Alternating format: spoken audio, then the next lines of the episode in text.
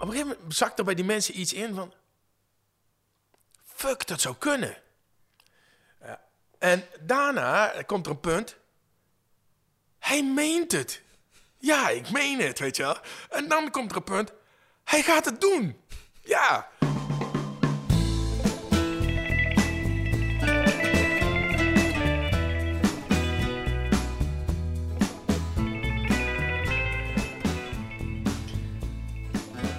Lieve luisteraars, welkom bij de Verhalengast. De podcast waarin ik samen met een gast op zoek ga naar verhalen. Hoe vind, maak en vertel je een verhaal? En vooral ook, welke betekenis kun je eraan geven? In deze aflevering is de gast Leon Giesen. Kunstenaar, avonturier, muzikant, onder andere in Toontje Lager, maar heeft ook zijn eigen muziek op Spotify staan. Hij was een documentairemaker voor de VPRO. Maar bovenal is hij een verhalenbouwer. En dat doet hij op geheel eigen wijze. Wij zien de wereld, Leon ziet Mondo Leone. Ik maakte voor het eerst kennis met zijn wereld toen hij te gast was bij De Wereld Draait Door... om te praten over een schat die hij op het spoor was. Niet zomaar een schat, nee, een natieschat uit de Tweede Wereldoorlog. Welkom, Leon. ja, dankjewel. Klopt dit verhaal een beetje zoals ik je nu... eh, Ja, dat, eh, dat klopt, ja. Die, eh, al die punten kloppen. En je bent net terug uit Frankrijk Ja, voor een van je verhalen. ja, ja. ja. nou, ik ben... eh, je zou me ook als een onderzoeker eh, kunnen zien... die op een gegeven moment... eh, sorry even. gewoon wil weten hoe iets zit. En ik ga heel ver, blijk nogal ver te gaan en willen weten hoe iets zit. En in dit geval in Frankrijk heb ik uiteindelijk een grondradaronderzoek laten doen in een bos. En eh, uit het onderzoek, eh, omdat daar iets begraven zou zijn. Eh, en er is ook beslist iets begraven geweest. want ik weet dat de Duitse politie daarna gezocht heeft twee keer. En maar uit dat grondradenonderzoek is ge- gebleken dat in ieder geval daar waar alle aanwijzingen heen leiden, alle aanwijzingen die ik heb van de persoon die daar iets begraven heeft, zou je kunnen zeggen, in eh, 1977. Eh, dus, maar eh, op de plek waar alle aanwijzingen heen leiden, daar eh, ligt niks begraven, bleek, te- bleek uit het grondradenonderzoek. Dus dat, dat, ja, dat heb je ervan als je het, als je het wil weten. En mijn vrouw is wetenschapper, onderzoeker. En zij zei, ja, dit is eigenlijk gewoon, zo gaat onderzoek. Dat is... Dit is hoe het werkt. Ja, ja, maar is ja. het dan teleurstellend dat je dat niet vindt wat je had gehoopt te vinden? Nou, eh, ja, dat is, eh, dat is teleurst- teleurstellend. Maar dat is ook teleurstellend, omdat... Kijk, het verhaal wat hier omheen hangt... eh, dat is een heel rijk verhaal. En dat is ook echt een, een geweldig verhaal om te vertellen. Maar het grote verschil zou zijn, als wij iets zouden vinden... Zouden, er zouden twee verschillen zijn. Eentje is... eh, dat eh, die hele zoektocht, dat blijkt dat eh, de vrouw die mij dat verteld heeft, dat zij gelijk heeft. Dat, dat zou heel mooi zijn. En het andere zou zijn, als we dat zouden vinden, dat, dat is echt wel spectaculair. En dat, zou tot, dat is nieuws. En het grote voordeel van nieuws is dat dat tot aandacht leidt voor het verhaal. Ja. Dus de, dat, dat, dat zou mijn verhaal heel erg helpen. Eh, De, aandacht voor mijn verhaal. Het verhaal zelf eigenlijk eh, niet echt, want dat wat begraven is, of was, eh, was een, onder andere een audiotape, bandrecorder tape. En zij heeft mij verteld wat op de tape staat en waarom die verstopt moest worden. Dus, dus de, inhoudelijk is dat verhaal wel gered. En de eerste keer dat ik dit verhaal online als een feuilleton vertelde, toen schreef iemand nadat die vrouw verteld had wat op de tape staat. Nou heb je echt een schat gevonden. En dat is in, dat is in zekere zin ook waar. Dus inhoudelijk heb ik hem eh, wel gevonden, alleen eh, fysiek eh, niet. Nee. nee. En, we komen straks denk ik nog wel over dit verhaal te spreken. Want wat jij zegt is een heel rijk verhaal. En, en je vertelt het ook heel rijk en gelaagd. Ehm, maar ik wilde eigenlijk eerst nog eventjes kijken. Want volgens mij is, is fascinatie altijd het startpunt van jouw verhalen. Waar, waar beginnen jouw verhalen? Waar beginnen mijn verhalen? Eh, eh, nou, dan, dan moet ik je eerst iets vertellen. Namelijk iets wat mij een paar jaar geleden overkwam. Eh, Nou, ik denk misschien zeven jaar geleden of zoiets. Toen overleed een oom van mij. En toen ging ik naar het afscheid, naar het crematorium. En er kwam een vrouw naar me toe. En die zei, ik heb iets meegebracht voor jou. En dat staat hier in dit schriftje. Lees het maar. En als je het wil hebben, scheur maar uit het schriftje en neem maar mee. En toen bleek dat zij als eh, leerling kleuterjuf een observatie had gemaakt van mij als kleuter, als vijfjarige. En die observatie die gaat eigenlijk over vertellen. Dat ik als kleuter er ademloos in opga als iemand uh, vertelt. En dat ik zelf ook honderd uit vertel eigenlijk tegen iedereen. En niet alleen tegen de leidsters, maar ook tegen de andere kleuters. En zij zei tegen mij, ja, en uh, volgens mij is er niet veel veranderd. En uh, kijk, ik heb nooit geweten waar dat, waar dat vandaan komt. Uh, maar nu kreeg ik zo'n soort cadeautje uit het verleden. En toen blijkt dat ik dat al heel lang doe. Dus eigenlijk zou ik dus gewoon kunnen zeggen... Ja, ik blijk een uh, geboren verteller te zijn. Tenminste, als, als je het doet als je vijf bent. Mm -hmm. Het begint bij een fascinatie, maar ook bij een soort ervaring van schoonheid, zou je kunnen zeggen. Of ontroering of dat je iets heel goed uh, vindt. Mm -hmm. uh, en, en later is dat meer naar mijn, naar mijn eigen verhalen gegaan. Dus dat is een soort ontwikkeling die ik, die ik heb doorgemaakt. En op een gegeven moment merk ik, dat is meer iets wat je als je op een afstandje naar je eigen werk kijkt, dat nieuwsgierigheid en verwondering een soort thema is voor mij. Dat, dat is jouw startpunt. Je wordt ergens nieuwsgierig naar. Ja, dat, dat blijkt het te over. zijn, maar, maar dat is nooit. Uh, het is altijd. Uh, als iets resoneert in mij, zou je kunnen zeggen. Ja. Als, als, als, soms dan. of dan merk ik gewoon, ja, hier is gewoon iets mee. Ik weet het zeker. En, en dan ga ik erachteraan. Dus ik ga niet bij ieder gevallen blaadje op de stoep blijven staan of zo, maar. Nee, Soms kan een blaadje wel heel mooi liggen hoor. Ja, ja, zeker. Maar het moet resoneren in jouzelf om daadwerkelijk een stap te gaan maken van ik ga dit onderzoeken en ik ga hierover vertellen. Ja, ja. Of soms merk ik gewoon, weet je wat, dit, dit heeft mij nodig. Dit, wat ik nu zie, heeft mij nodig om gezien te worden. En ik kan dat zelf... Ik, ik herken er soms gewoon iets in. Uh, dus het heeft vaak ook gewoon toch op de een of andere manier uh, met mij te maken. Of met, echt met het vermoeden dat... dat, dat uh, verhalen houden zich vaak schuil achter details, uh, merk ik. Of je zou ook kunnen zeggen... Een, de grote lijn is vaak heel moeilijk te pakken, maar een detail kun je pakken. En soms heb je, zie ik een detail en ik, Sherry Duins, dat is een oude documentairemaker ja. van de VPRO... Die had het wel eens over de dauwdroppel. Dat je eigenlijk een soort dauwdroppel zoekt... Eén, één voorbeeld waar, één detail bijvoorbeeld, waar, waar heel veel in zit aan de hand, waarvan je dat verhaal zou kunnen vertellen. Ja, en dat is gewoon heel, uh, dat is een soort handvat, waardoor je dat, dat, vast kunt pakken. En is dat ook een soort vernauwing om het verhaal te kunnen vertellen? Ja, je moet vernauwen, zeg maar, je, kunt, je kunt niet alles vertellen. Weet je? Als nee. ik alles ga vertellen, dan begin ik met in het begin was de aarde een gloeiende bol. Ja. Nee, nee, maar dat kan niet. Dus je, je hebt gewoon een, een arena nodig. En uh, en ik heb uiteindelijk, uh, ik heb daar ook gewoon les in gehad. Hè. Zeg maar, ik heb een kunstacademie gedaan en dan uh, ook audiovisuele vormgeving. filmpjes maken en documentaires maken. En ik heb dat tien jaar voor de VPRO gedaan. En dan, dan leer je ook gewoon echt wel de... voor een deel het ambacht van een verhaal vertellen. Gewoon de opbouw, allemaal dat soort dingen, ja. weet je wel ja, waar begint een verhaal en wat ja. vertel je wel, wat vertel je niet? Ja, ja en, maar de grap is, je kunt een verhaal ook bij het einde beginnen. Het, ja. dat, dat gebeurt in, bij films ook heel veel, weet je Dus, dus je zoekt op een gegeven moment ook een structuur. Uh, en, maar dus, dus aan de ene kant zit er dus gewoon ook echt iets technisch aan een verhaal uh, vertellen. Bijvoorbeeld, je begint niet met de clue. Dat uh, kwam laatst ook iemand achter. Dus als je de clue direct in het begin vertelt, is Dan ben dat is een probleem. En, uh, en dus ja, ik heb daar gewoon wel. Ja, en en het, het leuke van live verhalen vertellen is dat je dat ook kunt veranderen. Dat je op een gegeven moment merkt, ja, verrek, het is eigenlijk veel leuker als ik dit pas.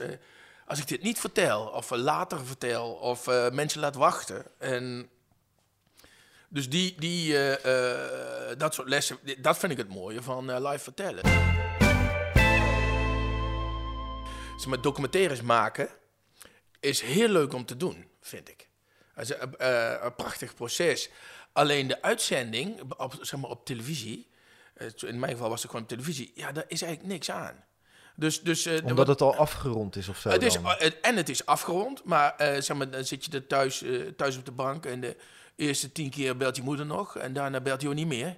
Nee. En dan zit je daar met je bakje pinda's, zou ik maar zeggen. En, eh, dus het, eh, ik mis heel erg eh, een van de dingen die ik het belangrijkste vind van verhaal vertellen. En dat is namelijk gewoon het publiek en, Ja. en het gedeelde moment. Ja. Dus, dus dat, is, dat is eigenlijk niks. En, en ik ben eigenlijk begonnen met... een van de redenen waarom ik begonnen ben met Mondo Leone, de wereld van Leon, maar net van mijn eigen dingen live vertellen, is eh, dat ik het podium miste. Ik merkte gewoon dat ik, ja, ik ben ook een beetje geboren om op de trom te slaan, zou ik maar zeggen. Dus, eh, en, eh, En wat, wat, zoek, wat zoek jij dan als je op het podium staat? Wat, wat, wat, Ja, en het gevoel dat ik leef, eigenlijk. Ik, en volgens mij gaat vertellen meer over energie dan over iets anders. En het, je, je zendt eigenlijk een, de verteller zendt een energie de, de zaal in, zou je kunnen zeggen. En daarom ben ik het helemaal niet eens met mensen die zeggen dat, dat, eh, dat de verteller alleen maar staat te zenden. Want dat is niet zo, die staat ook te ontvangen. mhm. Want het publiek zendt ook. Dus eh, die verteller zendt een energie de zaal in en eh, dat resoneert en die komt terug. En op een gegeven moment staat, is, als het goed gaat, is iedereen aan het trillen. En dat is geweldig.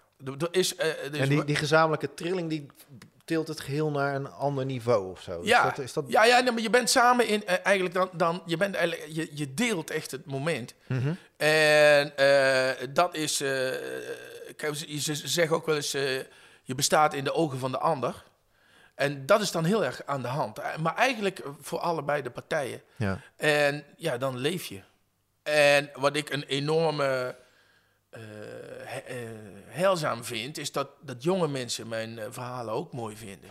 Dus dat dat gewoon, dat is iets universeels, Ja. blijkt. Maar en, en, en wat, wat wil je dan bereiken in die ander? Wat, nou, wat ik eigenlijk wil bereiken, ik wil toch eigenlijk een, een soort contact. Ja. En ik wil graag bestaan in die ogen van die ander. Ja. En dan, dan ben je niet dood, hè. Dus het, nee, dat is leven, vind ik. Dus, eh, eh, en, en het is geweldig ook als, als, als het je lukt om de ander even eh, mee te laten kijken met jou, zou ik maar zeggen. En ja, dus in die zin is, vind ik ook echt de Mondo Leone niet zo slecht gevonden als naam. Omdat het, het, is zo'n wereld op zich waarin je dan even samen bent. En dat vind ik ook Ja. mooi. In zekere zin zou je een verhaal vertellen ook kunnen vergelijken met een, een luchtkasteel bouwen en daar samen een feestje in eh, houden. Eh, op een gegeven moment eh, merkte ik met documentaires maken dat ik heb daar nooit mijn eigen toen nooit mijn eigen muziek bij gebruikt. Ook omdat ik dacht, ja, er bestaat zoveel fantastische muziek, weet je wel. Wie ben ik nou? Tot, volgens mij was de eerste keer een keer een themaavond eh, eh, waar ik aan meewerkte voor de VPRO eh, over eh, Almere. En er zat een trouwerij in. En eh,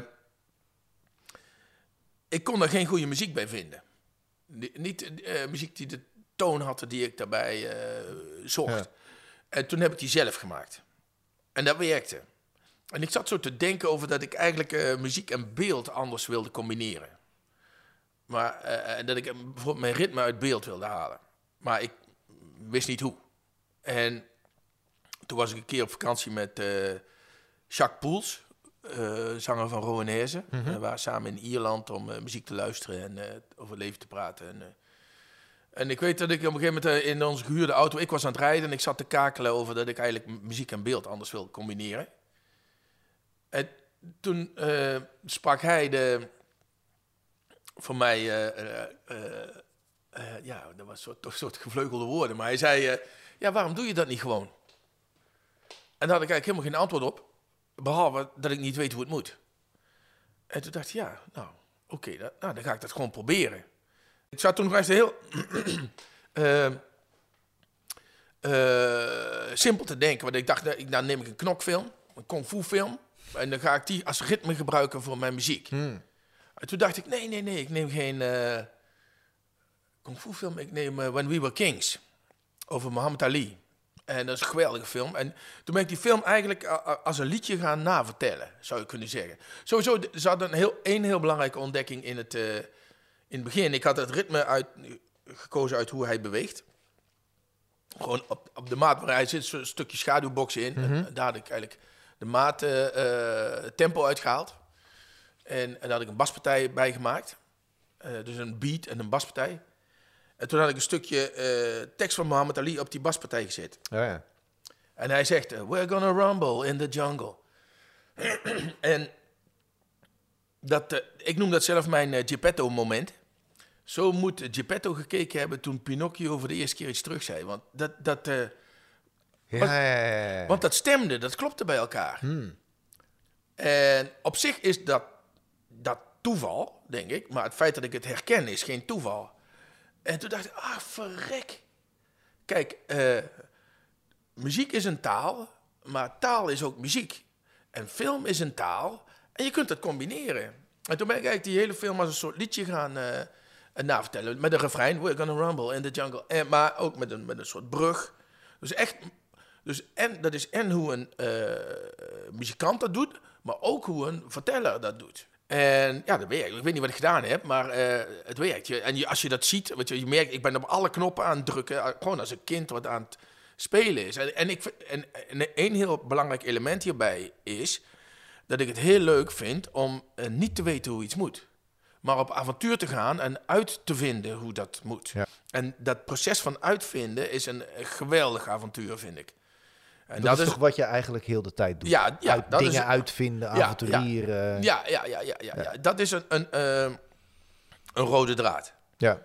En eh, toen eh, zei Marcel, de cameraman met wie ik altijd eh werk, kunnen we dat zelf niet? Een- op die manier een filmpje maken. Waarbij je alles eigenlijk benadert alsof het muziek is. En dat zijn we toen gaan doen. Toen hebben we een filmpje gemaakt over een Italiaanse kok die zijn eh, dierbaarste recept maakt. En toen hebben we een aantal andere filmpjes op die manier gemaakt. Als een soort eh muziek documentaire filmpjes. Maar dan wa- waarbij de muziek een belangrijke rol speelt. Een filmpje over Marcel's zoon die niet kan duiken. Een filmpje over mijn basgitaar. Gewoon zelf eh, eh, filmpjes gemaakt. Die heb ik toen laten zien eh, bij de VPRO. Eh, aan mijn eindredacteur toen. En eh, die zei, ja, wat is het eigenlijk? Ze zijn allemaal verschillend. Verschillend van stijl, verschillend van lengte. Niet echt documenteren, nee, nee. Ik zeg, of je zou het de wereld van Leon moeten noemen, maar dan nog zou ik het niet willen hebben, zei hij. En eh, ja, daar komt Mondo Leone Ja, ja, ja, dat, daar is en- geboren. Ja, eh, ja eh, eh, maar dat is dus eigenlijk geboren uit een afwijzing. Toen dacht ik, eh, ja, dat laat ik mij niet zeggen. Dat is een andere belangrijke rode lijn in mijn werk. Eh, Zeg maar, ik eh, ben veel te eigenwijs om Ja. eh, eh, no for an answer eh, te nemen. En eh, eh, toen dacht ik, dat betekent niet dat het geen bestaansrecht heeft. Dan ga ik het doen eh, voor wie het wil zien. En dan ga ik er ook live muziek bij maken. Dat lijkt me veel leuker. Eh, En, en dat is eigenlijk het begin van Mondeleone op het podium. Ik kom oorspronkelijk uit Venlo. Heb ik een, daar heb je een heel leuk muziek- en theaterfestival. Vooral muziek eigenlijk. Zomerparkfeest. En daar heb ik gevraagd of ik daar een try-out mocht houden.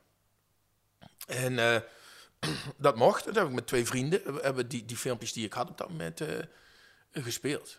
En dat werkte. Ja. En eh, daarna ben ik naar hier in Utrecht. Ik woon in Utrecht. eh, heb je, eh, had je Festival aan de Werf. Dat was een theaterfestival. Heb je Huis aan de Werf. Dat was het productiehuis wat dat produceerde. Daar ben ik heen gegaan. Dat heb ik die filmpjes laten zien aan de, aan de directeur toen. En die zei, ik wil dat het in première gaat op het festival. En geloof me niet dat dat altijd zo makkelijk gaat, zei hij. Maar ik wist nergens van. Want ik weet, ik weet helemaal niks van het theater. Ik hou ook helemaal niet van theater. Ook nu niet, weet je wel. Dus het, eh, ik hou van verhalen en muziek en film. En als je dat bij elkaar doet, dan noemen mensen dat eh, theater. Ja, ja, ja. Maar, Maar ik... naar een theatervoorstelling ga jij niet. Nee, Nee, dat is niet jouw vorm nee van... ik ga naar de film. eh, ja. Of naar muziek. Ja, ja, of naar... of ik volg verhalen. Nee, nee, nee. Dus, dus het, nee, ik had er helemaal geen ervaring in. Ik ben daar... ik- Het bleek de openingsvoorstelling te zijn van dat festival. Pas achteraf ontdekte ik dat dat best big deal is. Maar dat wist ik ook niet. Ik was gewoon gezegend. Door Het klinkt een beetje alsof of, of ook een soort naïviteit een belangrijke eh, rol speelt in Ja, ja, ja, ja, dat is zeker. De nou, ja, positieve naïviteit. eh. Ja, ja, ja, ja. Maar dus ik stort mij ook in avonturen zonder enige voorkennis. Eh, dat, daar heb ik een aantal voorbeelden van, ja. Dus, maar ik, ik wilde wel, ik wilde dit wel heel graag doen. De bassist van Toontje Lager en een documentairemaker gaat over het algemeen niet midden op het podium staan en eh, zeggen, je, je raadt nooit wat mij gisteren is overkomen, zou ik maar zeggen. en dus ik wist, sowieso wist ik niet of ik dit, of, of ik dit kan, of, of eh, mensen hier iets aan vinden. En, eh, en bij de VPRO, ah, zeker toen had je, en zeker in die documentaire afdeling toen, eh, was ja, wie, wie, ben, wie ben jij nou helemaal, weet je wel? Vertel nou gewoon maar het verhaal. En sowieso is dat heel vaak bij eh, documentaires, die eh, ontlenen over het algemeen hun bestaansrecht. niet aan de film zelf, maar die, die gaan over een belangrijk boek of een belangrijke Ja. gebeurtenis of een belangrijk persoon. Die gaan eigenlijk nooit over iets onbelangrijks, zou ik maar zeggen. En dan ga ik het daar Maar over ook niet over de maker zelf, bedoel Nee, je? ook niet over de maker zelf. Dus, eh, en, eh, maar nu eh, ging ik midden op het podium zitten of staan. Ja. En het- ik had nagedacht over wat ik wilde zeggen. Goed nagedacht. En toen had ik dat opgeschreven en uit mijn hoofd geleerd. En op een goede avond speelden wij een eh, lantaarnvenster in Rotterdam. In, in de filmzaal. Filmzaal is vreselijk om te spelen. Want dat is helemaal dood, hè? Mhm. Dus als mensen klappen, dan hoor je pif, pif, pif. Dus, dus, en er waren heel weinig mensen. En die zaten best ver weg. En als je eh, normaal gewoon in een theaterzaal staat of zo, dan, eh, de zaal is donker. De zaal is zwart, zou ik maar zeggen. Dus ik zag niemand. Ik hoorde heel weinig pifs. Ik had er een, een, een grap in waar altijd om gelachen werd. Die keer niet. Het ging gewoon echt niet vooruit. Op een gegeven moment geen pifs meer. En ik ben een popmuzikant, weet je. Dus, dus eh, eh, als er geen applaus is, wow, dat is echt een probleem. Ja. En eh, toen, Is dat een soort afwijzing? ja, Ja. zo ervaar je dat. Ja, een popmuzikant ervaart dat als afwijzing. Ja. En eh, ik dacht, wow, dit gaat, dit gaat echt helemaal fout, hè. Wat is hier aan de hand, weet je? Kan ik er niks van? Zie je wel, zie je, wel je kunt er niks van, eh prutser. Ja, ja, ja, ja, En, eh, of zitten de mensen te ver weg? Zijn, zijn er te weinig mensen? Eh, praat ik onduidelijk? Zo zat ik te denken. Maar ondertussen was ik mijn uit het hoofd geleerde tekst aan het zeggen. En op een gegeven moment dacht ik... Heb ik die zin nou al gezegd of nog niet?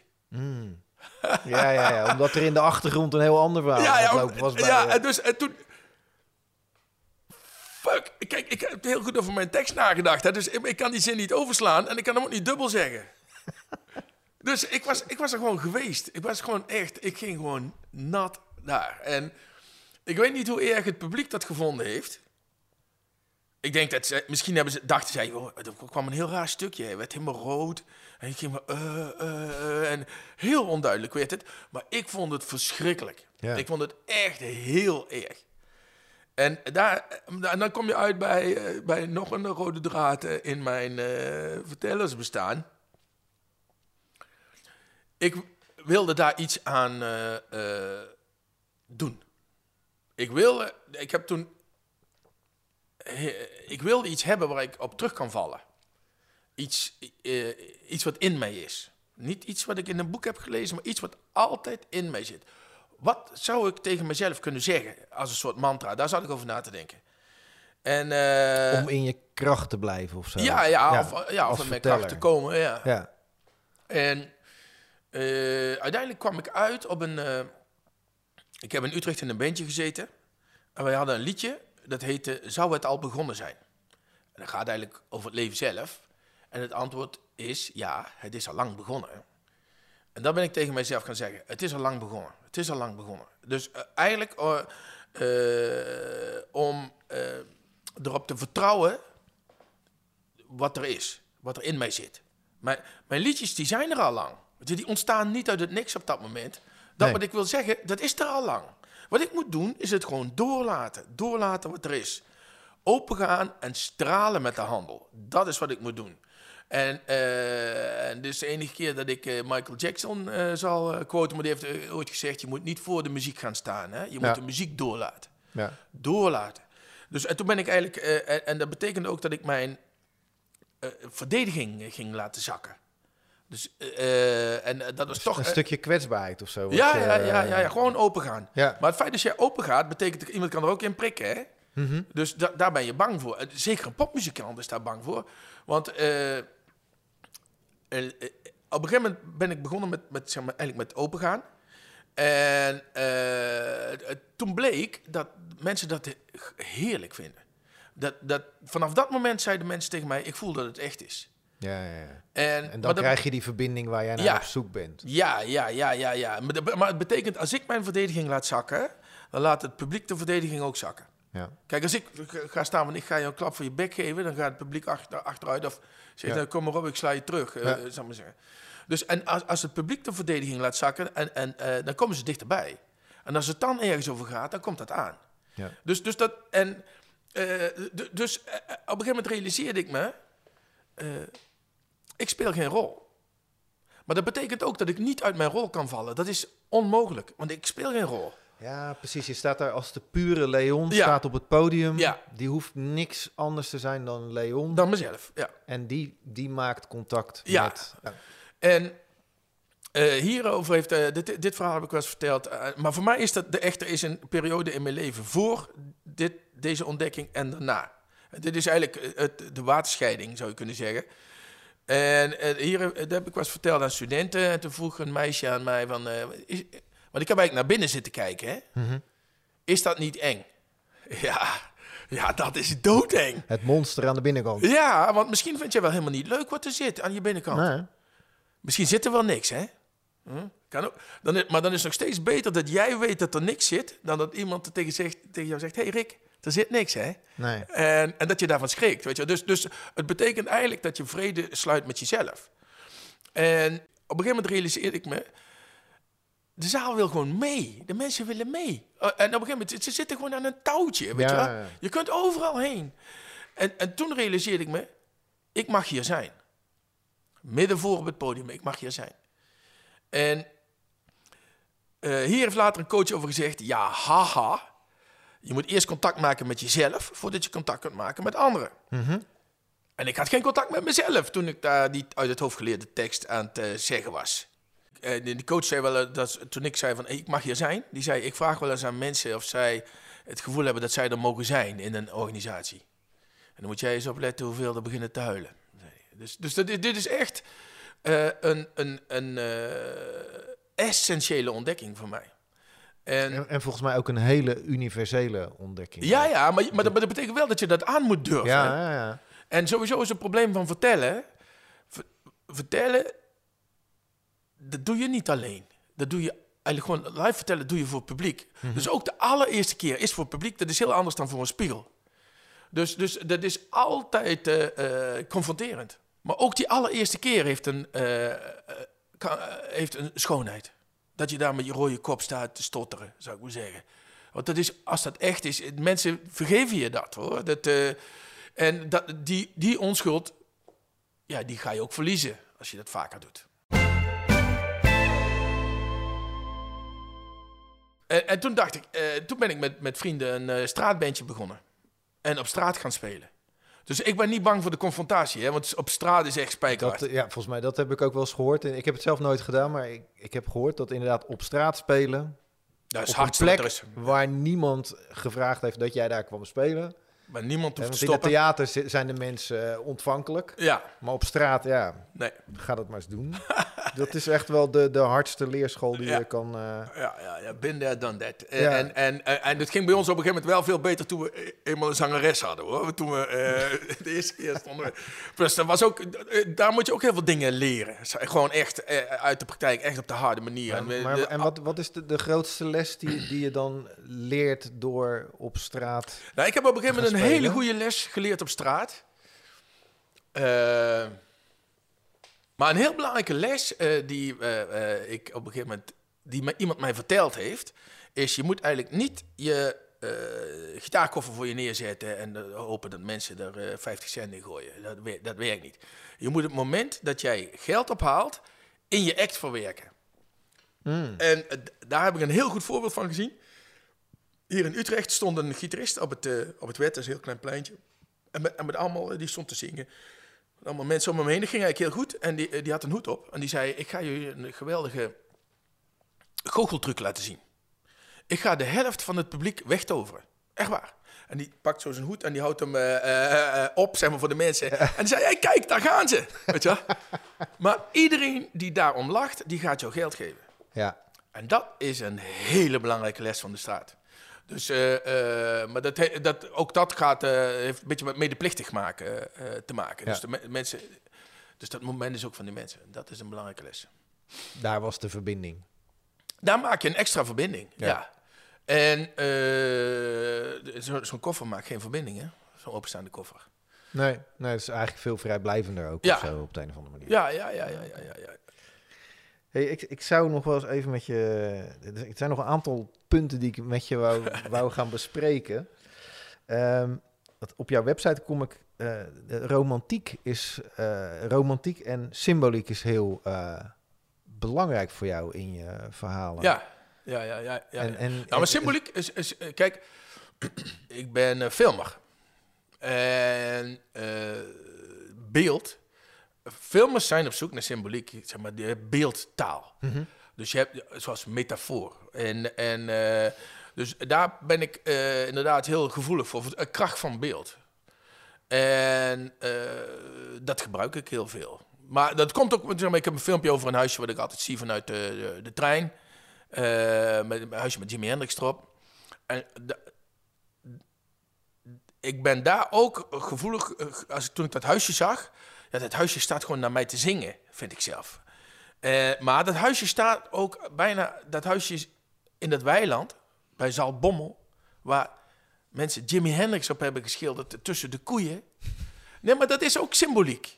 Dat is ook het verlangen naar uh, groots en mislepend leven in Zalbommel, zou je kunnen zeggen. Daar, daar ben ik heel gevoelig voor. En dat... Uh, uh, en, en zo zijn er meer... Zie je dat als een vorm van romantiek? Ja, dat, nou ja, dat, ja, ik zou je zeggen... Ik, op een gegeven moment ben ik... ja, ik wilde er dan meer van weten. Ook vanwege echt het, het, de, de kracht van dat ding. Ehm, en op een gegeven moment ben ik uh, uit gaan zoeken waar het was. Toen ben ik daar op een gegeven moment met de auto langs gegaan. Het, uh, dat is, staat eigenlijk in, in een uh, boomgaard. En die boer, die heeft mij dat laten zien. En, en, die, en die boer vroeg op een gegeven moment van, ja, ja wie, is dat eigenlijk? Ik zei, Jimi Hendrix. Oh, ja, interesseerde de boer twee keer niks. Dat heb ik later in, in ik heb daar een soort liedje over, daar, laat ik die boer zeggen, ene van Hendrix. Maar dat, dat heeft hij niet gezegd hoor. En... Maar het kwam hetzelfde neer. En, maar die boer wist niet wie dat gedaan had. En op een gegeven moment ben ik met dit verhaal, omdat ik op, op Noorderslag zou staan, op televisie geweest. En toen zei ik, ja, ik weet, niet, weet gewoon niet, ik weet niet, ik zit vast eigenlijk nu, ik weet niet wie het gedaan heeft. En die avond had ik een e-mail van iemand die erbij was, maar die het niet zelf had gedaan. Maar die zei wel, uh, zeg maar, dat, ongeveer wie, het, wie wel verantwoordelijk was. En die, die persoon had ik snel gevonden. En toen heb ik die een e-mail gestuurd waarin ik zei dat ik dit een anonieme daad van romantisch verzet vond. Hmm. En, en, toen belde hij op en die zei: Ja, wij, wij, wij, houden die van tijd tot tijd bij. Wij schilderen hem bij. En hij ziet weer een beetje bleek. Uh, wij gaan binnenkort weer bijschilderen. Uh, moet jij niet mee dan? En toen stond ik om vijf uur ochtends in het weiland. En uh, ik heb uiteindelijk daar een, filmpje, uh, een muziekfilmpje over gemaakt. waarin ik precies uitleg waar het is. En dat is namelijk, eh, als je vanuit Utrecht komt, je gaat links zitten in de trein, is het tien tellen naar het viaduct naar Zalbommel. Oké, ja. Uh, en op een gegeven moment, eh, toen mijn club meer dan duizend leden had, ik heb een club, uh, Club Mondo Leone, uh, toen heb ik het feest van de meer dan duizend leden gehouden in Grote Zaal van Vredeburg. En daar was die boer aanwezig en die jongens die dat gedaan hadden, die elkaar voor de eerste keer ontmoetten. En die boer die had voor 1200 man peren bij zich. Kijk. En iedereen ging naar huis met een peer met een Jimi Hendrix sticker erop. en dus, maar, maar, maar, ook, maar dat is ook wel... Meerwaarde creëer je met, door betekenis te geven. Met verhalen bijvoorbeeld. En dat huisje, dat heeft een beteken, extra betekenis gekregen door dit hele ding. Maar daar zit zeker een, een, een uh, lading romantiek, romantiek bij voor mij. Want ik heb graag dat de, dat de dingen meer zijn. Weet je wel? Dat, ik hou niet zo van, nou ja, gewoon. Weet je wel? Dus, dus ik hou van het verbijzonderen van dingen. En dat, dat is romantiek, denk ik. Ja, en die, die stem die laat je ook hard doorklinken in jouw alles wat je maakt eigenlijk. Ja. hè? Dat is, het is eigenlijk altijd wel heel persoonlijk, heb ik het gevoel. Ja, ja, maar de grap is, dat is nog een les die ik geleerd heb. Eh, en je hebt sowieso verschil tussen persoonlijk en privé, vind ik. Dus de dingen die ik op het podium doe, die zijn nooit privé. Maar wel persoonlijk. Ja, nou mooi dat je dat... eh Dat is een belangrijk verschil. Ja, dat is een, mooi, dat is een belangrijk mooi verschil inderdaad. Ja. Dus, en ik vind altijd dat de dingen waar ik het over heb, die, die moeten eh, staan voor meer. Eh, de- maar dat maakt het universeel, als het je lukt om dat te vinden. En, dat... eh, maar, maar je hebt volgens mij, mensen worstelen vaak gewoon met, ja, met dezelfde dingen. Dus als het als je lukt om iets goed te benoemen, en, dan, dan herkennen mensen dat. En, en dan heb je hun... Ze voelen zich ook gezien, zou ik Ja. maar zeggen. En het is toch vaak, zeg maar, dat je, dat je, je hoopt dat, dat iemand woorden kan geven aan iets waar je zelf geen woorden voor hebt. Dat is de rol van een eh, dichter of een schrijver of een kunstenaar. En, eh, eh, en- en dat, dat, dat kan je helpen. En ik heb daar ooit wel eens over gezegd.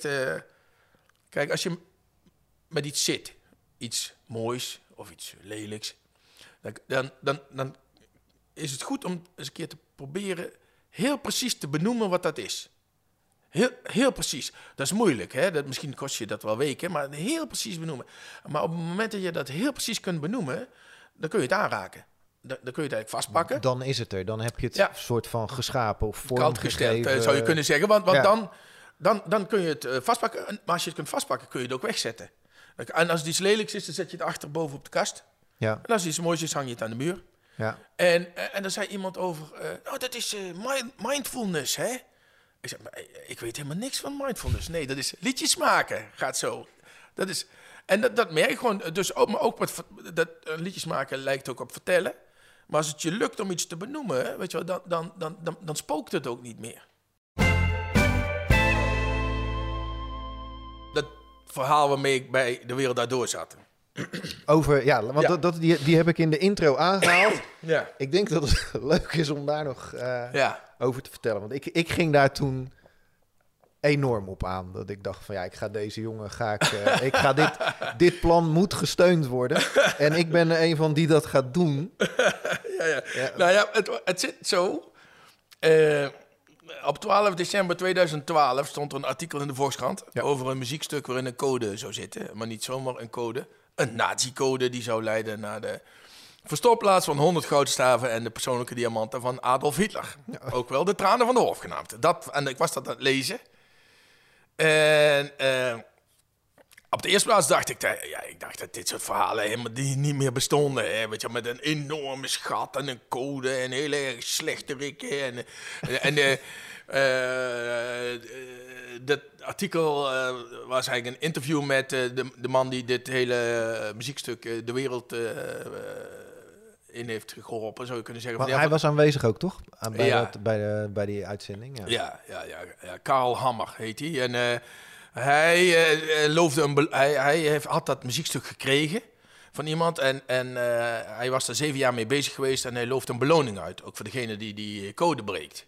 In ruil voor de exclusieve rechten op het verhaal. En ik zat dat te lezen. En, en, en ja, dat is toch. wat- is dit nou weer voor een verhaal? En, maar op een gegeven moment herkende ik iets wat in dat muziekstuk staat. Namelijk, er waren. Ik heb in toontje laag gezeten, maar ik kan geen muziek lezen. Hè? Dus eh, wat is wel vaker bij oude popmuzikanten. Hè? Dus ik speel op geheugen en gehoor. En, maar er waren teksten bij getypt en kriebeltjes in het muziekschrift geplaatst. En één ding wat erbij getypt was, was eh, eh, letter M. Een M is geen muziekterm. Maar ik heb precies zo'n M eerder gezien. Sterker nog, daar heb ik een foto van gemaakt. Want ik was ooit met de parade mee naar Berlijn. En die parade was to- totaal mislukt. Want er was gewoon helemaal niemand. En daarom ben ik door Berlijn gaan dwalen en foto's gaan maken van alles wat mij opvalt. Zoals ik altijd doe. En toen kwam ik op het Centraal Station van Berlijn. En daar, zag ik een bordje M. En daar heb ik een foto van gemaakt. Maar ik heb een liedje M. En dat gaat over een briefkaart die ik ooit heb gehad. Van mijn eh, lief, eh, nu mijn vrouw. En dat is van een pas beslapen bed. En daar had zij achterop geschreven... Hmm. En ze heet Mariette. Dus, en ik zag die romantische M, daar heb ik een foto van gemaakt. En die lijkt precies op die M in dat muziekstuk. Ja. En, en toen, toen eh, dacht ik, ja, eh, waar heb ik eigenlijk een foto van gemaakt? Ja, want dat bordje, dat heet een M-tafel. En dat is de M van Mitteilung, mededeling. En de Duitse spoorlijnen gebruiken dat nu. En toen dacht ik, ja, bestond dat in de oorlog ook dan? En toen ben ik gaan zoeken. Ja, dat bestond in de oorlog ook. En rondom die M staan drie blokjes, langwerpige blokjes in het muziekstuk eh, geschreven. En de theorie in de krant was eh, dat het gaat over de bergen rondom Mittenwald. Drie, zijn drie bergen rondom. En ik dacht, wat als dat niet over de bergen gaat, maar over het spoor. En over een splitsing in het spoor. Want het- het gaat van één blokje naar twee. En in de oorlog splitste het spoor in Mittenwald. En toen... eh, en er staat een, eh, een tekstje bij, een eh, cijfercombinatie. En in, in dat tekstje gaat het over enden, eindes. En dat spoorwegcomplexje heeft twee, had twee eindes. En er stond een code bij, eh cijfercombinatie met een 1 en een 2. Het eerste en het tweede einde, dacht ik. En toen, ja kijk, maar dus, dus nu kom je bij eh, eh, een aantal elementen die ik eerder al genoemd heb. Maar ik ben eh, eh, niet bang om iets te gaan doen waar ik eh, totaal geen verstand van heb. En, eh, toen heb ik een gouden diamantdetector gekocht voor eh 2500 euro. Ja, want hier komt dan de avonturier in jou Ja. boven. Hè? Die gewoon zoiets van, dit, ik ga dit onderzoeken. Ik ga dit de onderzoeken. documentairemaker eigenlijk ook, Ook, toch? ja, ja, ja, ja. Alleen dan, dan, ik was inmiddels al een soort eerste persoon verteller geworden. Dus en toen heb ik Marcel gevraagd om mee te gaan, de cameraman. En toen zijn we daarheen gegaan met die detector. En die sloeg uit. Daar waar allebei die stootblokken waren. Ja, en toen begon het. En toen... toen en dat is een waanzinnig enorm verhaal. Wordt Ja, het. is een prachtig verhaal Ja, is het ja. geworden En toen uiteindelijk. heb ik uiteindelijk... eh, eh, eerst dacht ik, eh, ik word rijk. Daarna dacht ik, nee, nee, nee, dat kan helemaal niet. Maar als er echt iets ligt van de nazi-top, dan kun je helemaal niet iets van willen hebben. Dat is onmogelijk. En toen dacht ik, wat ik volgens Ja, dus ik ben ook... Misschien zitten er een paar kronkels in mijn verhaal, hoor. Maar ik dacht, weet je wat ik nodig heb? Dat is een advocaat. Ik moet volgens mij een advocaat hebben, die, zodat duidelijk is dat ik hier niks van in mijn zak kan stoppen. Dat heb ik via het Joods Historisch Museum Om het zuiver te houden. Ja, ja. Ja. Ook als, kijk, als aan mij naam het woord lijkenpikker komt te hangen, dan eh, is het klaar. Nee, ben ik. Nee, dit, ja. moet gewoon helemaal- dit ga ik helemaal netjes doen. En Ja. toen heb ik een advocaat gevonden eh, en die doet mee. Eh, die zei eerst eh prodeo, later no en no PO. Maar hij en zijn compagnon doen mee. Die zei, dan moet je ook een Duitse advocaat hebben die jou wil helpen zonder dat direct de meter begint te lopen. Toen zochten zij een advocaat, toen had ik drie advocaten. En toen ben ik eh, eh, daar gaan graven eigenlijk. Toen ben ik gestopt door de politie. Toen heb ik een, eh, moest ik het gat dichtgooien. Toen heb ik een, had ik al contact met geologen, want die, want die geloven die hele detector die ik gekocht heb niet. Die zeiden, dat is een turbo-wichelroede wat jij hebt. en koop nou een gewone mooi, metaaldetector. ook mooi. Ook mooi, ja, dat is een verhalengenerator die jij daar hebt. koop een gewone metaaldetector. Die heb ik gekocht. Toen was ik de verwaarde eigenaar van twee metaaldetectoren. En toen heb ik uiteindelijk eh, dat gat dicht moeten gooien. Maar die eh, gewone metaaldetector die piepte op de bodem van het gat. Dichtgegooid. Toen heb ik geofysisch onderzoek laten doen. Met eh, grondradar. En op de plek waar ik graven had, daar konden zij niet goed meten. Maar op de andere plek waar mijn theorie heen leidt, ja, daar ligt iets onder, onder het asfalt. Ja. Eh, en eh zij hadden echt iets gemeten. En, en toen wilden die geologen die wilden door de straat boren. Toen heb ik de gemeente overgehaald om mij door de straat te laten boren. Dat is ook verhalen vertellen in de praktijk hè, tegenover ambtenaren. Nou, ik zit, ik zit er net aan te denken, want ik, ik herinner me dit hele verhaal. Want ik was natuurlijk een van jouw eh, Ja. schatkaarthouders. Ja. Ja, maar die, die waren er op dat moment nog niet, hè? Want eh, toen, toen ik eh, namelijk op een gegeven moment kreeg ik toestemming van de, eh, zou ik toestemming krijgen van de gemeente om door de straat te boren. En toen dacht ik, ik ga failliet. Ja, ja, ja. ja. Kan ik helemaal niet. Ik was al Maar je hebt toen wel in een aantal e-mails, ben je ons gaan vertellen over... Ja, maar dat was toen ik, daar ben ik gaan crowdfunden. Ja, maar ik kan... Da- en toen kwam jij. Ja. ja, ja Sorry, ik ben dat eerst gewoon bij mijn, bij mijn club gaan doen. Maar dat valt op, hè, iemand die aan het crowdfunden is om een, een eventuele nazischat op te graven. Dat- en toen kwam ik in de wereld uit door en, en, en er kwam steeds meer eh, spanning op. Want toen, toen is. Eh, en, maar die, mensen, mensen konden een schatkaartje kopen. Ja. Het kost 50 euro. krijg je niks voor terug. Nou ja, het verhaal. Ja, daarom. Dat Ja, was, dus je steunt het onderzoek. Dat je is kan naar de bioscoop gaan, maar je kan ook Ja. eh, zo'n verhaal eh steunen. Ja, ja, ja. Ja, dus ik heb gezegd, je steunt het onderzoek. Dus net als wanneer je Greenpeace steunt, krijg je ook geen stuk walvis. Zo werkt dat gewoon niet. Dus, Nee. en, dus mensen gingen dat doen. En op een gegeven moment is er gemeten door, door, door het asfalt. En toen hebben die geologen metaal gemeten. IJzer met meer ander metaal. Dus het kon nog steeds. En uiteindelijk is die hele straat open gegaan. Door, gesteund door de schatkaarthouders. En, Ja. eh, en eh, als ik de spoiler doe... eh, je, Ja, die kan inmiddels wel, toch? Het is, Ja, die kan wel. even geleden. Nou ja, is- dat wat gemeten was, eh, dat is een eh, paaltje van de, van de Weermacht. Op het paaltje staat de W. En er heeft nog een letter gestaan, een H. Volgens mij een Duitse advocaat. WH, Weermacht Heer. Dat is, eh, het stond ook op de nummerborden.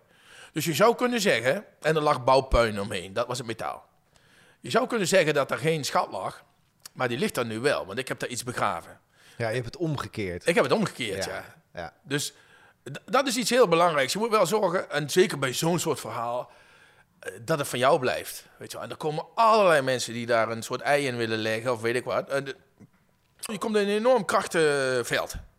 En die is heel moeilijk om zelf de bal vast te, te blijven houden. Zeg maar. Want er komen mensen die willen die bal van jou afpakken. De spreekwoordelijke bal. Maar fijn. Dus, dus ik heb, eh, en toen hebben we een slotfeest gehouden. Waar ook, eh, was je daarbij? Nee, ik was daar helaas niet bij. Dat is echt heel jammer. Ja, daar baalde ik toen ook van. En nu... Rick, heb je wel, heb niet... je wel een munt? Nou, zal ik jij eens wat vertellen hoe het met mijn munt is gegaan, Leon? Nee. Jij hebt dat dingetje opgestuurd met de munt Ja? erin. Ik kreeg een opengescheurde envelop Oh thuis. ja, er zijn en mensen, de munt is eruit gehaald. mensen, er zijn Ik mensen heb die... heel die munt nooit gezien. Nou, Rick, hier, die krijg je nu. Hier, eh, voor de luisteraars. Leon die stapt nu... eh, we, zit, we zitten in zijn hoofdgebouw van de verwondering. En hij pakt nu uit een kast. Hier is een munt. Krijg ik... munt. Fantastisch. Daar ben ik echt heel blij mee. Want dat maakt het wel compleet. Ja, ja, want wat het maakt is... het compleet, mijn schatkaartje. Want die Ja, heeft ja. gewoon een, een prominente ka... eh, eh, ik heb thuis mijn eigen museumpje, zeg maar. Oh ja, ja. En eh, ja, daar staat een, een half schatkaartje. dat is wel een half schat. Dus die is bij deze Ja, ja, is ja. die geheeld. Mooi, dank je. Maar nou ja, op dat slotfeest, daar waren dus echt heel veel van die eh, schatkaarthouders. Uiteindelijk hebben, hebben 1100 mensen hebben zo'n kaartje gekocht, omgerekend. Eh, twee, eentje heeft 5000 euro gegeven en eentje 4000. Maar die mensen waren daar, maar ook mijn Beierse aannemer was daar in klederdracht. Die, die applaus ja, kreeg van, foto's van gezien. van duizend man voor het gat wat hij gegraven had. Had hij ook nog nooit gehad. Hij was echt ontroerd, weet je. En hij had eh, eh, gezegd, eh, toen, hij was naar München teruggevlogen en reed terug naar zijn huis. Toen had hij tegen zijn vrouw gezegd, ja, dat maak ik niet nog een keer mee. Nee. Nee, nee. nee. nee, en dat is ook echt zo. Ja, en, en toen heb ik, daar heb ik de mensen bekendgemaakt wat ik begraven heb. En dat zijn namelijk al hun namen op roestvrijstalen platen in een kist, dicht met cijfers sloten. En toen heb ik ze de code van de sloten verteld. En in deze munt zit de code. Hiermee kun je namelijk de code van de cijfersloten onthouden. 2,5 meter onder het asfalt van Mittenwald. Ja. Ja, ik zal je Ja, straks en- uitleggen En wat... daar staat mijn naam Daar dus staat ook. jouw naam, Ik ja. lig ergens in Mietenwald. Ja, onder een heel mooi stuk grond. asfalt. Daar, daar ligt, je, ligt eh, Rick Kluijsen. maar, en dit verhaal is, zeg maar... Ja. eh, eh, no- in dat schatgraafverhaal, dat heeft echt mijn leven veranderd. Maar daar vertel ik een aantal, eh, vlak voordat de opgraving komt, een aantal lessen die ik geleerd heb. En eentje is, eh, zeg ik wel, kijk, dit is een, eh, dit is een avontuur. Daar, daar is iedereen het dan mee eens. Maar avontuur is ongewis. Avontuur moet kunnen mislukken. Dat moet. Anders is het geen avontuur. En dus in die zin. Want, want jij geeft, is, eh, snap ik je dan goed dat je zegt van het, het, het, het is aan jou om betekenis te geven aan een mislukking? Of zodat Ja, het geen mislukking meer is? nou ja, wat is een Dat het mislukking? verhaal een, een, een, ja, nou ja, een het, het is- betekenis krijgt. betekenisgever, dat is mijn, werk. Zou Ja. ik maar zeggen, dat is wat ik doe. Ja. En eh, ik heb een filmpje bijvoorbeeld over, eh, of een verhaal over het geluid van de Amerikaanse treintoeters. Ja, dat is waar. Ik vind dat die heel mooi toeteren. En die toeter eigenlijk, eh, de meest gebruikte toeter maakt een heel mooi akkoord. Ja. En zo, zo mooi dat ik dacht, hier heeft iemand zich druk om zitten maken. En die man heb ik gevonden. En toen zijn we in Amerika gaan train chasen op zoek naar een trein die zijn akkoord toetert. En hij vertelt waar dat vandaan komt. Nou ja, daar zitten een paar dingen in. Eentje is, ik speelde die tonen gewoon die in dat akkoord zitten op Ja. mijn gitaar. Ja. Ik dacht, jezus, dat is echt een heel mooi akkoord. Dat verwacht, verwacht je helemaal niet bij een treintoeter. Dus dat is dat moment, zeg maar. eh, dat ik, dat, dat, ik vind dat ontroerend. Dat, eh, eh, dat raakt mij. Ja. Dat, ik ben dat uit gaan zoeken. Dat, en dat kon je op internet helemaal niet vinden. En ik ben naar die man gegaan. En toen hij ging vertellen waar dat vandaan komt... dacht ik, zie je wel, ik wist, ik wist dat hier een verhaal achter zit, achter dit akkoord. Maar als hij had gezegd, wat zit je nou te lullen man? Ik deed gewoon Ja. ine mine mutte. En hier kwam dit eh, akkoord uit. Ja. Dat is ook een verhaal. Want namelijk, die, die, eh, als ik dat akkoord maar mooi genoeg vind, dan is die teleur, teleurstelling ook goed. Dan zou je ook kunnen zeggen, dan zou de moraal van het verhaal kunnen zijn, schoonheid kan ook toeval zijn, zou ik maar zeggen. Ja. Dus, eh, en die, dat schatgraafverhaal, dat is eigenlijk echt gered doordat ik iets begraven heb. Maar, maar dat Ja. wist ik van tevoren. Zeg maar, dat staat niet in het handboek Er was voor geen schatgraven. script. Er was geen script. Nee, nee, nee. Nee, nee, dat was alleen een, eh, Maar dat- een aannemer en een bouwkraan. En, en, eh, nee. Ja. Maar eh, heb je dan wel... hoe- ontstaat dan het... Die afronding voor jou, dat je denkt van... Oké, Nou, weet- zo ga ik het doen. Ja, nee, maar dat, zeg maar... Heel eerlijk gezegd, dat weet ik eigenlijk niet precies meer. Maar ik wist wel, op een gegeven moment... Nou, ik wist... Er, staat een enorme druk op, op dat verhaal. Eh, eh, en we, ga- we gaan graven. Ja. Dat betekent... Ik weet nog dat ik eh naar die opgraving liep, die ochtend. Ja, man, ik had gewoon niet geslapen. Ik was helemaal kapot, man. Ik, ik had spierpijn en... wow. Maar ik dacht wel, het verhaal wordt nooit meer zo mooi als nu. Het is bijna uit. Hè? Straks gaat de straat open en dan komt er een einde. Kijk, er ligt wel iets of er ligt niks, zou ik maar zeggen. Dus eh, de- de- er ligt een schat of er ligt geen schat. Nee. Maar op- Als, a- als, het, als daar, eh, eh, dat realiseer ik me later nog meer dan nu. Ehm, sowieso, journalisten zeggen tegen je... Oh, dus je weet zeker dat er iets ligt. Hè? Dat is het eerste. De- want dat is namelijk het leukste. Hè? Je maakt het drama zo groot mogelijk. Dus mannetje weet zeker dat er iets ligt. Er ligt niks. Ah, mannetje moet huilen. Oh, dat is ook leuk, weet je wel. Dus nee, maar je bent eh, Ja. echt onderwerp eh, van eh, soms agressieve interesse, zou je kunnen zeggen. En, en, en of mannetje heeft gelijk. Nou, wereldnieuws ook allemaal goed. Dus, dus en het was, ik had eerst in mijn naïviteit gedacht, we blijven gewoon met z'n tweeën, Marcel en ik, weet je wel. Ja, dat, dat kan helemaal niet, wel. De, de gemeente gaat eh parkeerverbod aankondigen, zeg maar dat de straat open gaat. ja, ja, ja, het werd veel groter en Ja, groter. dat hou jij niet in de hand. En eh, de gemeente, die had eh, gewoon wel zeg maar de pers in Beieren ingelicht. Ja, er waren vier camerateams, weet je wel, want Beieren is groot.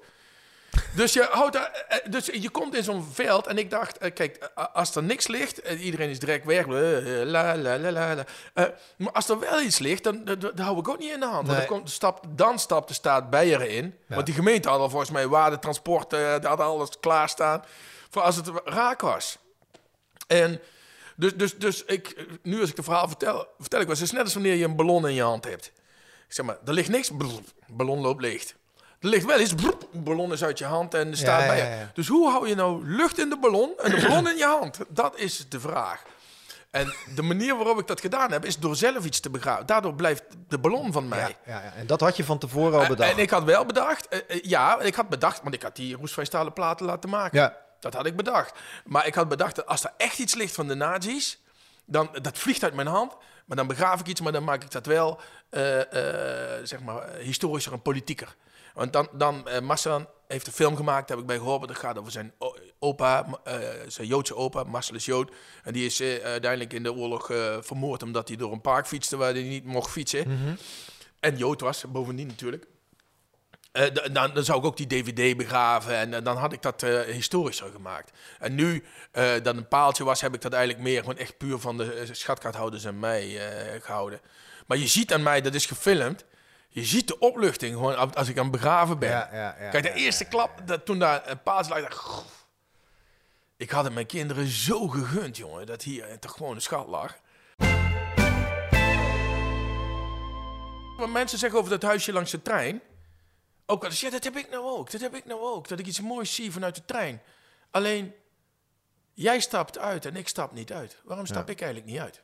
En da- dat is een goede vraag aan jezelf. Maar het is heel leuk om uit te stappen. Ja. En, maar daarvoor, daarvoor moet je dat wel serieus nemen. En ik had bijvoorbeeld laatst eentje, die vond eh, eh, maar dat is gewoon een piepklein dingetje. Eh, vlak bij ons huis, we wonen gewoon in een rijtjeshuis in, hier in Utrecht. En daar staat een boom. En eh, onder die boom staan eh, bloemen, zomers. En, en er was een man met zijn scootmobiel, die was daar aan het scharrelen bij die bloemen. En ik vraag, mag ik, eh, ja, mag ik wat vragen? Ja, ja, ja, ja, wat ben je eigenlijk aan het doen? Hij zegt, nou, ik, ik pluk die zaadjes En die, die zaait hij met zijn scootmobiel door de stad. Dus hij is overal eh, bloemetjes aan het zaaien. Ja, echt geweldig. Maar, maar daar kom je alleen achter als je blijft staan en het hem vraagt. Hè? Ja, of als je, het- ja, als ja. je daar gevoelig voor bent of, of het ziet. Dus, dus, dus ik word ook heel vaak beloond. Ik vind het een beloning, zou ik maar zeggen. Ik word daar vrolijk van. En, eh, en dat vind ik wel wonderlijk a- a- aan mijn verhalen, zeker in, de laatste tijd. Het lijkt alsof die eigenlijk steeds moderner of relevanter worden, omdat ze ook gaan over een relatie aangaan met je omgeving. En iemand die een relatie aangaat met zijn omgeving, die, die gaat daar anders mee om. Die, die gooit daar geen, zijn vuilnis helemaal niet leeg in. Dus in die zin, ik ben wel een verteller. Maar in die, ik heb wel eens eh, gedacht, ik ben, ben- misschien is verteller niet het goede woord, maar verhaler. Want ik ga het ook halen, zou ik maar zeggen. Ah, ja, ja, ja. ja. En eh, iemand heeft wel eens gezegd over... eh, eh, eh, kijk, je hebt de, de ridder en de minstreel. De ridder doet dingen die de minstreel nooit zou doen. Eh, de, min- eh, de- daar daar eh, eh, zingt de minstreel over. Maar de ridder zou er zelf niet over kunnen zingen.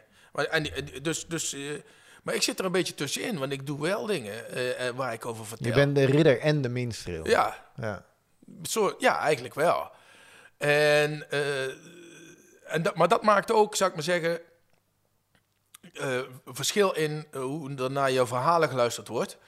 Want bijvoorbeeld, als ik wil dat jij in beweging komt, zou ik maar zeggen, en ik duw jou en blijf zelf staan, dat gaat niet werken. Maar als ik ga lopen, dat, dat maakt echt uit. En, voor mijzelf was, toen ik dat voor het eerst ging crowdfunden, dat schatgraaf-avontuur, ging, ik, eh, toen ik voor dat, de eerst op de parade ging doen.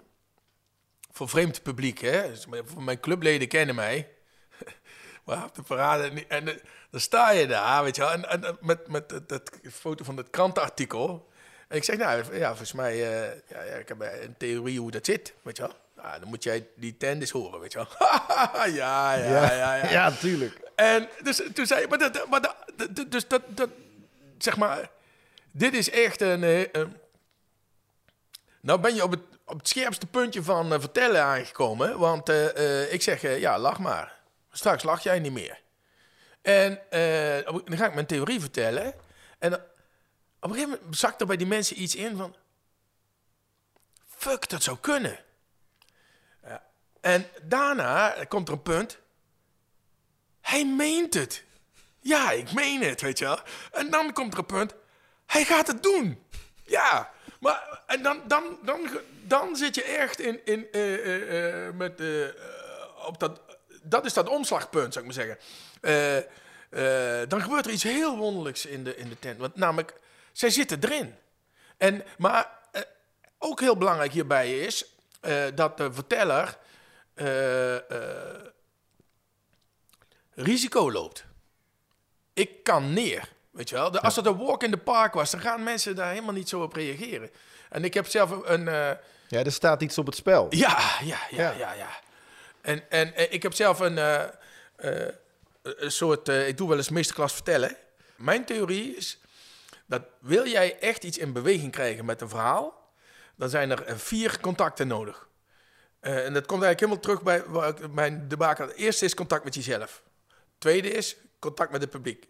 Derde is contact met het verhaal. Zeg maar dat je gewoon ook echt het verhaal. eh, zo, eh, ik zie je een verhaal vertellen als een samen een wandeling maken, zou je kunnen zeggen. En je moet er wel gewoon echt alle stappen met plezier maken, bewust maken. En het laatste contact is contact met de werkelijkheid. Dat jij doet wat je zegt. Dat dat massief is. Ja. En dan, dan gebeurt er wat. Maar als, als, jij, als jij dat nooit gaat doen waar jij over zit te vertellen, ja, dan is het een verhaaltje. Weet je, dan is het een sprookje of zo. Weet je. Dat kan ook mooi zijn, maar dat is iets anders. Toen, de lockdown kwam, toen ben ik eerst eh, quarantaineclub begonnen. En dan kreeg ik eh, een reactie van... de, de quarantaineclub is, voor het geval je dit toch wil gebruiken, was... Iedere dag een inspirerend eh, verhaal op mijn manier, kort verhaal... eh, met bijbehorend die dag opgenomen liedje. Soms oud, soms nieuw, maar, maar die hoorden altijd bij elkaar. Voor 1 euro per dag, 40 dagen lang, quarantaine, 40 euro. Eh, Op een gegeven moment kreeg ik een, een mail van een vrouw die meedeed. En zij is arts in een verpleeghuis voor mensen met verstandelijke beperking. En zij had die dag een lijst moeten maken voor als het misgaat. Als corona uitbreekt, eh, daar, in, daar in, Oh. in de instelling, zou ik zeggen. En zij zei, sommige van mijn eh, patiënten die gaan intensive care helemaal niet overleven. Dus zij had een lijst moeten maken wie daar zou blijven om te sterven. Of wie een kans zou krijgen op intensive care. En toen had ik een liedje over keuzes maken. Dat liedje gaat eigenlijk over dat schatgraafverhaal. Namelijk, hoe maak je, een, hoe maak je in godsnaam een keuze? Je, weet- je kent de alternatieven. Je kunt altijd maar één alternatief lopen. Je weet het andere alternatief niet. En ehm, de- in dat liedje zit de zin, i, wie, waai, weg. En zij schreef, ja, en toen kwamen de tranen. En dit is een van de weinige dingen die mij een beetje mens houdt in deze periode. En toen dacht ik, dat zal mij maar gezegd worden. Weet je, ik heb, ik heb een functie, gewoon hier, voor die mensen. Zij heeft daar iets aan. Ja. En mensen zeggen wel eens tegen mij, ja, dat weet je toch wel? Ja, nee, dat hoop je. Dat weet je niet. Dat krijg je, op die manier krijg je dat bijna nooit eh, terug. Dus, dus dat was... Dat, dat, jee, dat, is, eh, dat is niet zomaar iets. Ik heb een andere arts ook aan het huilen gemaakt, heb ik eh, van haar gehoord. Met met een instrumentaal ding. Maar ja, zij zijn in die tijd heel erg gepantserd, hè? Ja. Dus als er dus zo'n joker komt, dan zeker die gaat vloep, daar doorheen. Dat is belangrijk, denk ik, hoor. Maar eh, ja, daar was je ook even de minstreel van ja. de ridders. Ja, ja, dat is, nou ja, dat is waar. Nou ja, dat is da- in dat geval wel, ja, ja. En, eh, dus, dus eh, want eh, in, in eh, wijsheid, dat liedje heet wijsheid. Dan zit op een gegeven moment aan het eind de brug van, dit staat niet in de boeken, dit heb ik niet geleerd. Dit kan ik niet opzoeken, straks is alles nog verkeerd.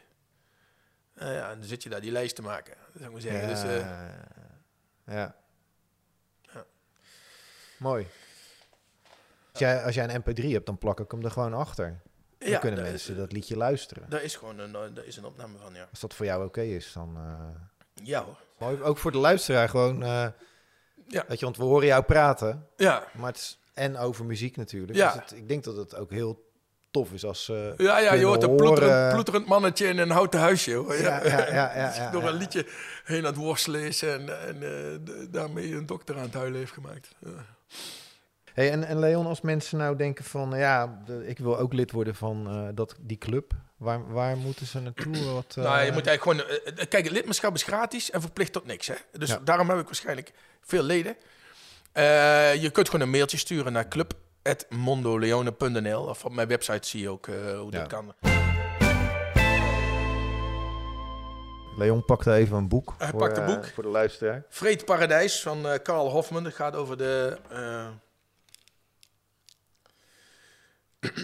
Koppensnellers, kolonia- kolonialisme en de mysterieuze verdwijning van Michael Rockefeller in Nederlands Nieuw-Guinea. Dit is de Nederlandse vertaling. En hij En is, Michael Rockefeller, is dat een, is dat een Rockefeller uit de... ja, zoon van Nelson de- Rockefeller. de- uit die, die, die Amerikaanse Ja, ja, dynastie, hij was de zoon van eh, Nelson Rockefeller. En hij was kunst aan het verzamelen in Nederlands Nieuw-Guinea.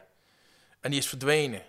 En eh, voor mij begon het verhaal met dat eh, een vriend van mij, die was eh, eh, in Ierland en die logeerde bij de Nederlandse ambassadeur. Omdat hij bevriend is met de dochter van die ambassadeur. En die vriend die was een beetje ziek, griep weet ik wat, en de ambassadeur kwam een kopje thee brengen. Toen bleek dat die ambassadeur koloniaal bestuurder was geweest in 1961 in Nederlands Nieuw-Guinea. En toen vroeg die vriend, wat is er eigenlijk gebeurd met- met Michael Rockefeller?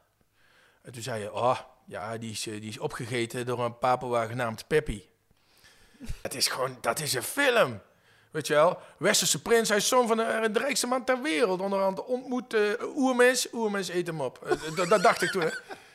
En toen vertelde ik dat tegen Sherry Darius. Van, ja, Peppy de Papua. De, en die, die zei, "Ja, dan zou ik voor thuis blijven voor die film. En dan ben ik toen gaan researchen. Maar ik kreeg dat, ik kreeg dat, dat dus niet rond. En plus dat de, in die tijd... En dat is trouwens nu ook weer. Maar in, in eh, dat gebied waar dit zich afspeelt in... eh, eh, de Asmat, dat is een moeras zo groot als België. Daar waren ontvoeringen, want die papa's worden heel erg onderdrukt door Indonesiërs. En, die, en toen was net ons eerste kindje geboren. En ik dacht, nou, als ik dat dus niet deed, dat ga ik... Kijk, ik stap wel met mijn stomme ballen en allerlei avonturen. Maar deze, die dacht, dat is, dat is gewoon echt gevaarlijk. Dat ga ik niet Ja, ja, doen. ja. Maar hij, hij, hij, heeft het gewoon gedaan. Hij heeft dat gedaan, ja. ja.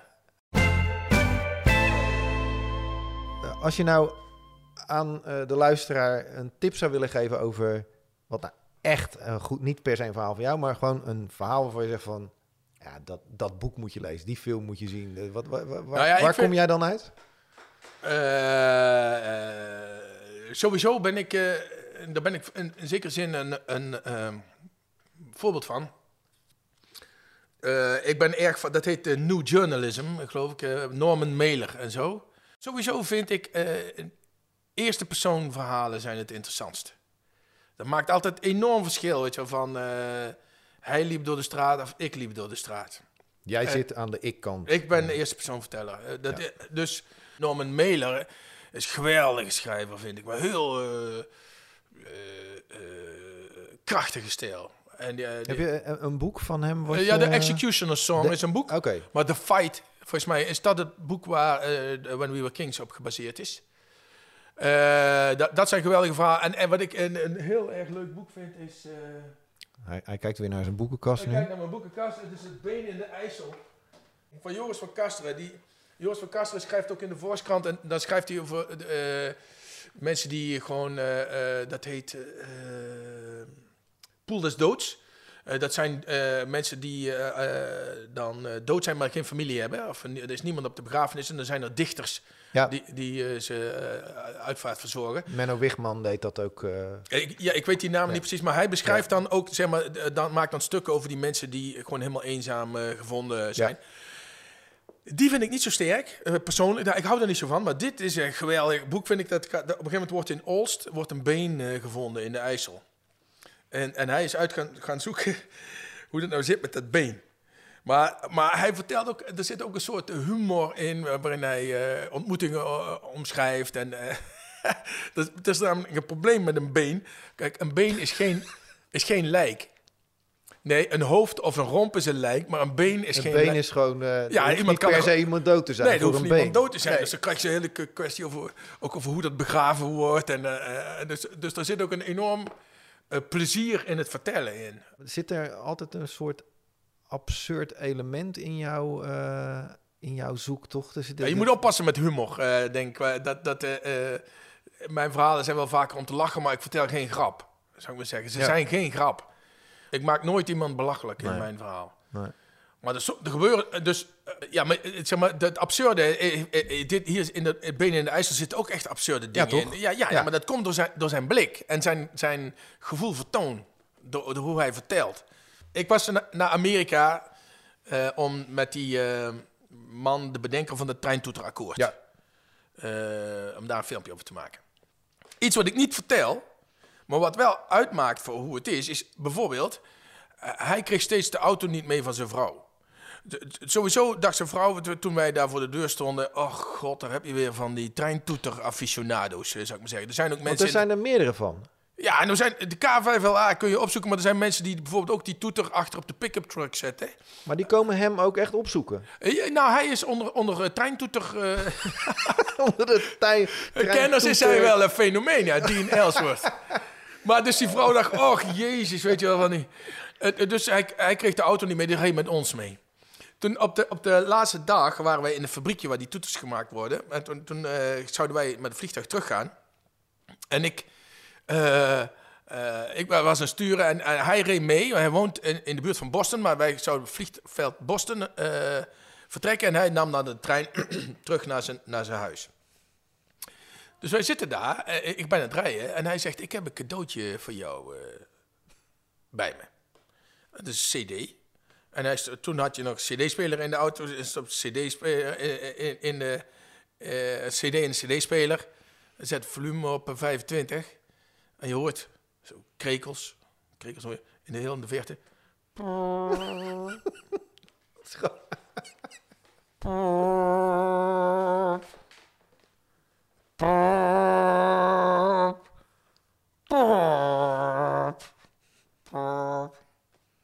Tweede track, krekels.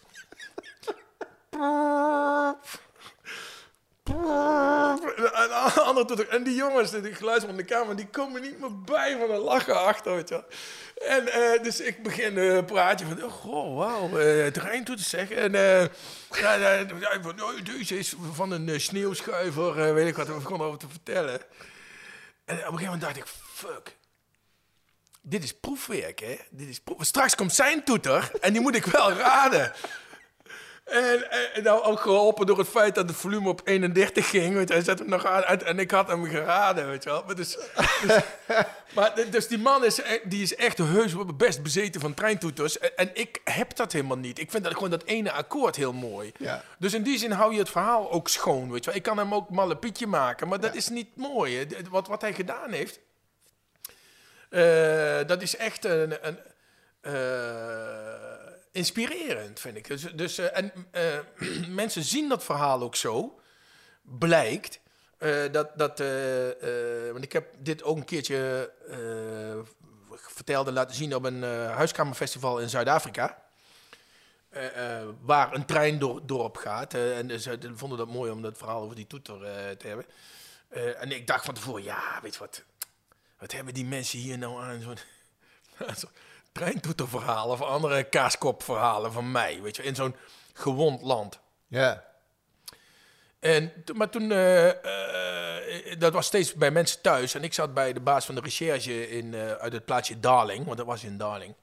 Okkie, Okkie Opperman heet hij. En, en Okkie die zei op een gegeven moment, nee, nee, nee, we vinden dit inspirerend. Want dit, dit verhaal, dat gaat niet over politici of larger-than-life figuren. Maar het gaat eigenlijk over een gewoon iemand die een verschil maakt wat in zijn bereik ligt. Dus, dus, dus eh, kijk, zo'n zo'n verhaal van in de auto, dat is, uh, uh, dat is grappig, weet je wel, maar, maar dat doet ook een beetje afbreuk aan hem. maar nou, laatst was ik gevraagd, ik heb, heb dus mijn tweede zoektocht, waarbij dat peloton van de genie ook een stuk bos heeft doorzocht. Uh, een van de belangrijkste dingen die ik gevonden had uh, toen ik, uh, is een vergeten moord. Er is iemand vermoord aan het eind van de Tweede Wereldoorlog en, en, niks herinnert eraan. En, en het is ook onbekend wie hij was en waar het was en waarom. en dat heb ik allemaal uitgezocht. en die man heette Loterijman, dat was gewoon echt zijn naam. Hij heette Arnold of Aaron, dat is zijn Joodse naam, Loterijman. En dat verhaal heet Het Lot van Loterijman. Ja. En nu heb je in Nederland een iets dat heet uh, Netwerk Oorlogsbronnen. En dat zijn een aantal archieven en musea die uh, samenwerken om, rondom de Tweede Wereldoorlog. En die hadden een netwerkdag en die hadden gevraagd of ik een keynote speech wilde houden over het lot van Loterijman. Maar ik heb ook een deel gewoon van het verhaal verteld, en, maar ook iets verteld over hoe je nou een verhaal vertelt. Met, uh, over iets in de Tweede Wereldoorlog. Hoe doe je dat? Bijvoorbeeld ook als er helemaal geen beeld van is. Hoe vertel je dat? En uh, in dat verhaal, bijvoorbeeld, uh, dat, dat verhaal gaat eigenlijk over twee moorden. Eentje is bekend, eentje is niet bekend. Het verhaal van de bekende moord is de, aan het eind van de Tweede Wereldoorlog komt de Sicherheidsdienst, de veiligheidsdienst van de nazi's, die komen in een villa in Baren terecht. Er wordt heel veel gesopen aan het eind van de Tweede Wereldoorlog. En die gaan op 25 april gaan drie SS'ers naar de uh, in Baren. En die stelen daar 300 flessen rode wijn uit de kelder. Die vorderen die, maar dat is eigenlijk stelen. Laden ze op, uh, maar zijn met, twee zijn met paardenwagen, eentje met de fiets. Laden, lagen ze achter op de wagen. En die rijden weg met de paardenwagen. En de jongste zoon van Van Kempen, zo heet die desolateur, Ernst van Kempen, uh, die gaat daar achteraan op de step dat kost hem zijn leven uiteindelijk. Want eh, hij, uh, maar hij was, uh, had gewoon geen fiets meer, alleen nog maar een kinderstepje, zou ik maar zeggen. Hij was 21.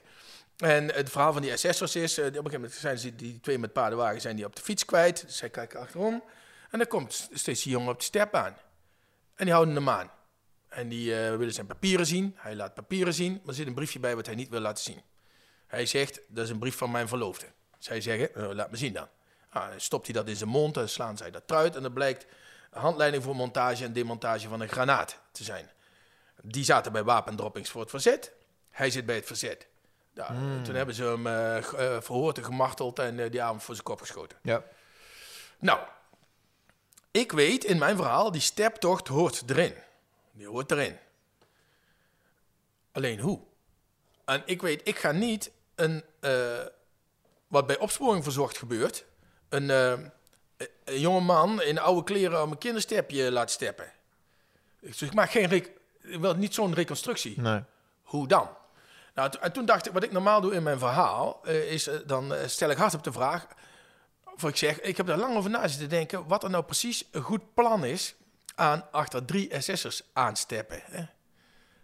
Wat, wat denk je daarmee nou te winnen, zou ik maar zeggen. Maar volgens mij heb ik het er nu al langer over gehad dan dat hij erover na heeft gedacht. Hij heeft er helemaal niet over nagedacht. Hij is gewoon op die step gesprongen. En hij, heeft is, dat, uh... ja, hij heeft dat gedaan omdat hij 21 was.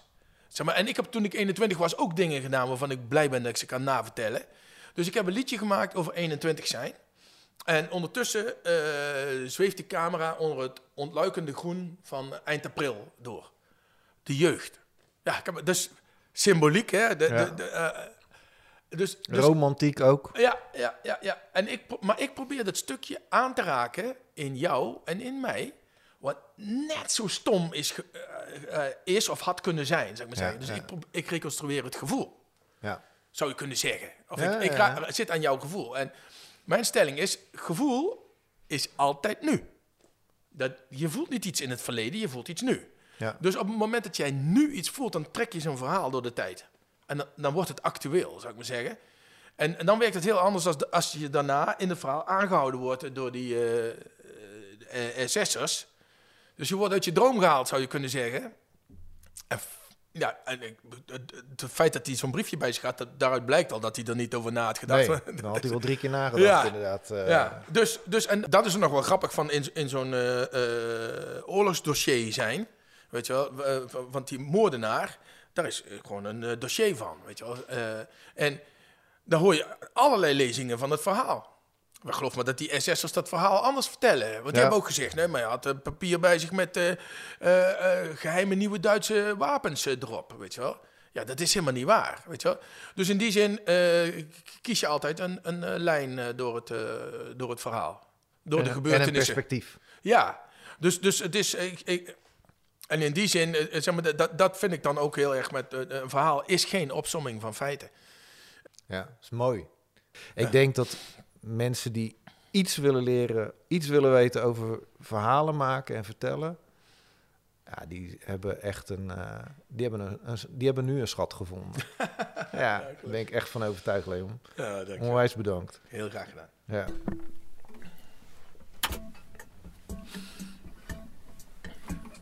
En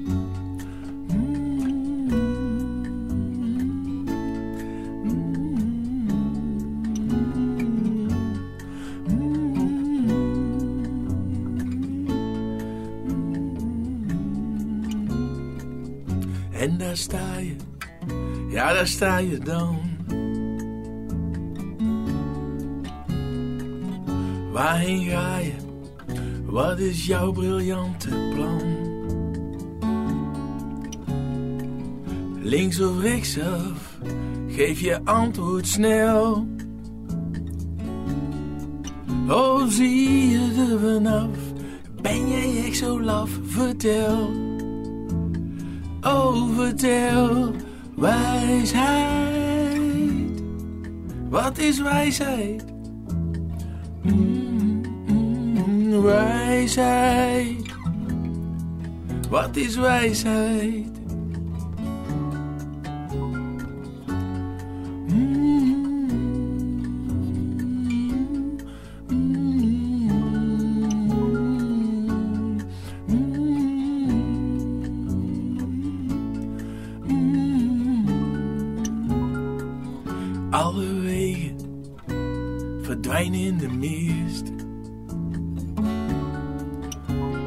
Tegenslag en regen, er zijn valkuilen beslist. Tos je nu een munt, of ga je op gevoel? Of geloof je dat je het kunt en zet je gewoon een punt als doel? Gewoon als doel, wijsheid. Wat is wijsheid? Wijsheid? Wat is wijsheid?